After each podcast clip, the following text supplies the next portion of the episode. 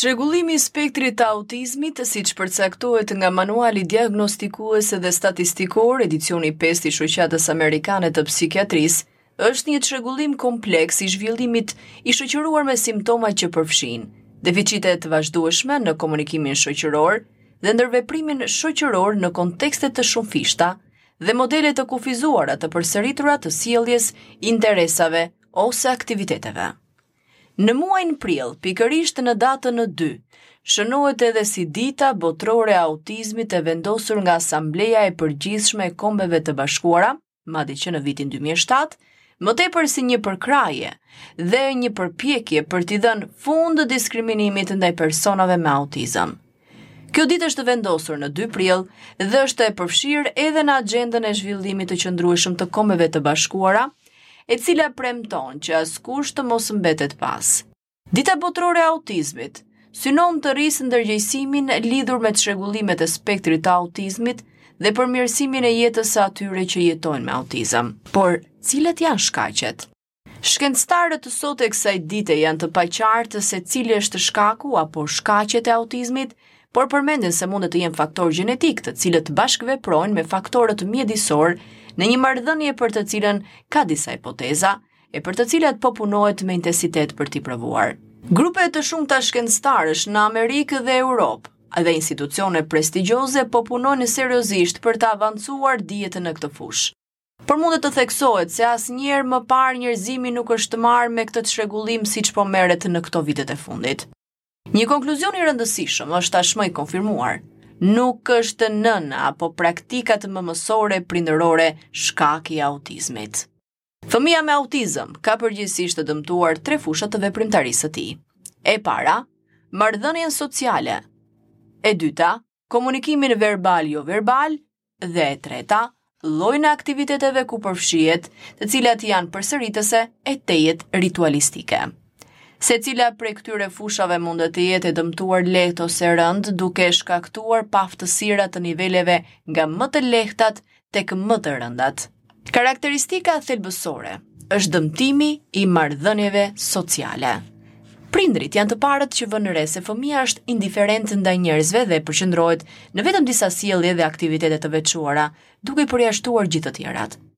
Fëmija shpesh e shmang kontaktin me sy dhe reagon pak ose aspak ndaj ngacmimeve të ambientit Duke u përqendruar për periudha mjaft të gjata kohe në veprime a veprimtari që përsërit e përsërit vazhdimisht. Fëmija, duket sikur nuk e ka nevojën e përdorimit të fjalëve, të fjalive apo të diskutimit, edhe nëse i përdor, i vë pak ose aspak për të realizuar komunikimin social. Për pasojë e ka të vështirë të përfshihet në lojra me fëmijët e tjerë dhe kjo madje sepse i prish stilin e tyre ritualistik. Fëmija me autizëm mundet të mos i shfaqë që në fillim këto simptoma, por pas një periudhe zhvillimi normal nis të bëhet indiferent, i larguar nga ambientet apo veprimtaritë sociale. Për shkaqe të paqarta, fëmijët me autizëm shfaqin epilepsi në 20 deri në 30% të rasteve, sidomos kur mbërrijnë në moshën madhore.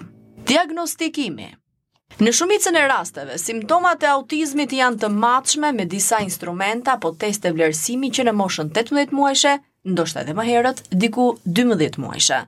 Prindër të kujdesshëm apo specialistë të mirinformuar qëllojnë t'i identifikojnë shenjat e para edhe më herët.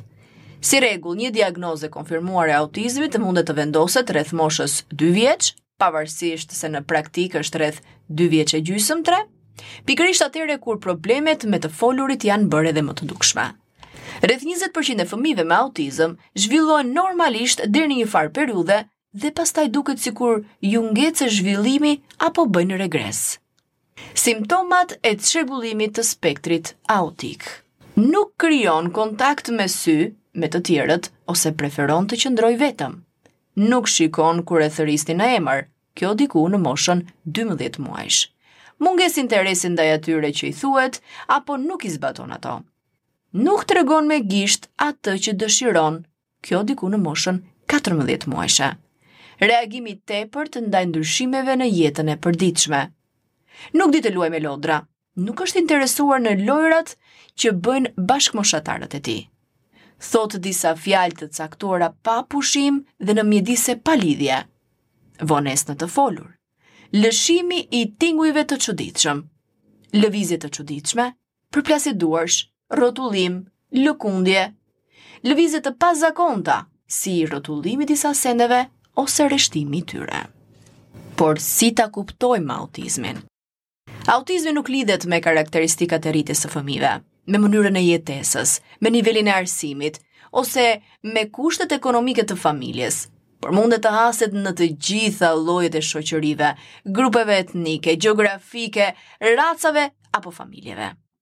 Është e rëndësishme të theksohet se kur sfidat e autizmit kuptohen dhe adresohen në mënyrë të përshtatshme, potenciali i një personi në spektrin e autizmit nuk është më pak se një person neurotipik. Shumë profesionistë e shikojnë autizmin si diçka që duhet menaxhuar ose kontrolluar. E këshillueshme është të shikohet autizmi si një larmi neurologjike që duhet kuptuar. Një nga gjërat më të rëndësishme që mund të bëjnë prindërit ose ata që kujdesen për fëmijët është të mësojnë shenjat e hershme të autizmit dhe të familiarizohen me ecurinë tipike të zhvillimit, atë që fëmija duhet të arrijë gradualisht. Nëse prindërit i vënë re këto simptoma tek fëmija i tyre, duhet të drejtohen tek mjeku i familjes, te pediatri, për një vlerësim të zhvillimit. Vendosja e diagnozës së autizmit kërkon një vlerësim shumëplanësh dhe përfshin një grup shumëdisiplinor, pjesë e të cilit janë pediatri, psikologu, terapeuti i zhvillimit. Testimi gjenetik mundet të jetë po ashtu i rekomandueshëm, sikurse dhe depistimi për sëmundje të tjera mjekësore, si çrregullimet e gjumit, çrregullimet gastrointestinale e të tjerë. Diagnoza e autizmit vendoset pas vlerësimit klinik të psikologut në përputhje me kriteret diagnostike sipas manualeve diagnostike përkatëse, DSM apo ICD.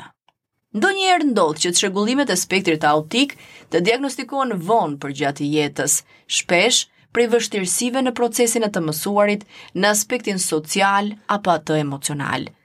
Ashtu sikurse edhe me fëmijët, vendosja e diagnozës për adoleshentët dhe të rriturit ka nevojë për vëzhgim të kujdesshëm dhe një intervistë diagnostike prej profesionistëve të specializuar në shëndetin mendor. Shpesh vendosja e një diagnoze të tillë sjell lehtësim emocional tek ata që kanë vuajtur për një kohë të gjatë me vështirësitë sociale dhe të sjelljes shpesh të pakuptuara dhe të adresuara gabim. Vendosja e diagnozës i jep udhë fillimit të terapisë dhe metodave ndihmuese e mbështetëse që mundet të përmirësojnë funksionimin e individit në ato aspekte që paraqiten të dëmtuara, por edhe në cilësinë e jetës në tërësi. Trajtimi.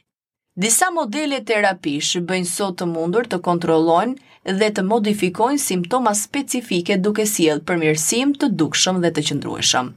Një plan i mirë trajtimi vë në lëvizje një grup specialistësh, të cilët koordinojnë punën për të modifikuar simptomat bazë, që është dëmtimi i marrëdhënieve sociale, komunikimi verbal joverbal dhe veprimet dhe sjelljet përsëritëse dhe obsesive. Sa më herët ndërhyrja, aq më të mira duket të jenë rezultatet. Modelet terapeutike janë të shumëllojshme, ndonjëherë të ndihmuara edhe nga barna, që i përshkruajnë mjekët, por ato më të suksesshme janë kur familja përfshihet në mënyrë thelbësore. Fëmija edhe prindrit Kanë nevojë për mbështetje, për ngrohtësi, për dije, sepse bëhet fjalë për një rrugë të gjatë dhe të mundimshme. Për autizmin ka dhe shumë mite. Le t'ju tregoj dy prej tyre, ndërkohë edhe faktet. Dëgjohet të thuhet se fëmijët me çrregullime të spektrit autik nuk mundet të krijojnë marrëdhënie dashurie ose nuk mundet të duan me të njëjtën shkallë ngrohtësie apo intimiteti si të tjerët. Fakt. me një qasje gjithëpërfshirëse, ndikuese, të bazuar në marrëdhënie ndaj ndërhyrjes, fëmijët mund të mësojnë të shijojnë afërsinë, ngrohtësinë dhe intimitetin dhe mund t'i duan të tjerët. Kur autizmi u identifikua për herë të parë si një çrregullim, që në vitin 1940, u mendua se problemi themelor në autizëm ishte një paaftësi për të krijuar marrëdhënie intime dhe të ngrohta. Ky koncept ka vazhduar në të gjitha përkufizimet pasuese të autizmit. Por, fëmijët me autizëm mund të duan aq thellë sa çdo fëmijë tjetër, madje shumë edhe më tepër se sa shumica. Sfida kryesore për fëmijët e diagnostikuar me autizëm është në komunikimin e emocioneve të tyre, jo në përvojën ose ndjenjën e ngrohtësisë apo intimitetin. Një tjetër mit. Fëmijët me çrregullime të spektrit autik nuk mund të mësojnë bazat e lidhjes, komunikimit dhe të menduarit, kështu që më e mira që mund të bëni është të përpiqeni t'i mësoni të ndryshojnë sjelljen e tyre. Fakt. Shumë fëmijë me çrregullime të spektrit autik mund të mësojnë bazat e lidhjes, komunikimit dhe të menduarit. Kjo kërkon punë të vazhdueshme dhe një qasje gjithëpërfshirëse të trajtimit që përqendrohet në ndryshimet individuale të përpunimit të secilit fëmijë dhe në ndihmën e tij për të zotëruar blloqet themelore të lidhjes, komunikimit dhe të menduarit. Ndihmimi i fëmijëve për të zotëruar këto baza është më efektiv për t'i ndihmuar ata të lëvizin përtej simptomave ose sjelljeve se sa përqendrimi vetëm tek simptomat. Çrregullimet e spektrit autik duhet të shihen si një proces dinamik, jo statik. Kur mendojmë për një proces statik, ne mendojmë për diçka që është fikse, pavarësisht nga ambienti, konteksti ose rrethanat. Disa rekomandime për prindrit. Është e këshillueshme të uleni përballë fëmijës, t'i flisni dhe ta dëgjoni, Nxiteni t'ju shikojë kur ju i flisni, me qëllim që të vërë re lëvizjen e buzëve. Nxiteni që të përsërisë tingujt që ai thotë. Në qoftë se ka përparim, duhet të tregoheni entuziastë. Nëse nuk i nxjerr tingujt, ju duhet t'i tregoni se si të veprohet për të thënë tingujt e ndryshëm, si për shembull, hapeni gojën shumë dhe thoni a në vazhdimësi. Nxiteni edhe ju që ai të bëjë të njëjtën gjë. Vendosni duart e tij në buzët e tij dhe i thoni të përsërisë ata tinguj. Uluni përballë fëmijës. Vendosni një rrobë në kokën tuaj, një lodër, tërhiqeni ngadalë dhe më pas qeshni bashkë me të. Nxiteni të thotë jo si ju kur i afrohet diçkaje që nuk duhet. Kur bën diçka që ju e pëlqeni, stimulojeni. Kur është i vogël dhe fillon të njohë pjesëtarët e familjes, ju duhet t'ia prezantoni. Për shembull, shikoje Albin, shikoje si luan, ai është vëllai yt, kur të rritesh do të luash me të. Kur fëmija e shikon dikë që nuk e njeh, ai mund të fillojë të qajë dhe të ketë frikë. Shpjegojani se cili është personi dhe i flisni me ëmbëlsi për të. Dhe diçka të fundit, por me shumë rëndësi. Një nga temat më të debatuara ashpër është dhe mënyra e referimit për fëmijët me autizëm. Më shumë se sa thjesht përcjellja e kuptimit, fjalët përcjellin ndjenjën dhe në fund të fundit formojnë mënyrën se si perceptohen njerëzit – Autizmi nuk është diçka që përcakton fëmijën. Një shembull i mirë është kur i referohemi një të sëmuri nga kanceri. Ju do t'i thoni dikush me kancer. Kjo e pranon që personi është më shumë se sa sëmundja e tij dhe vë theksin në faktin se para se të gjithash, ai është një person. Në një grup prindërish, në rrjetet sociale, në lidhje me këtë çështje, një prind është shprehur. Unë kam një djalë me autizëm, me sy të gjelbër vezullues, flokë të gjata kafe, buzëqeshjen më të lezetshme, një të qeshur të ëmbël, jo thjesht një bir autik.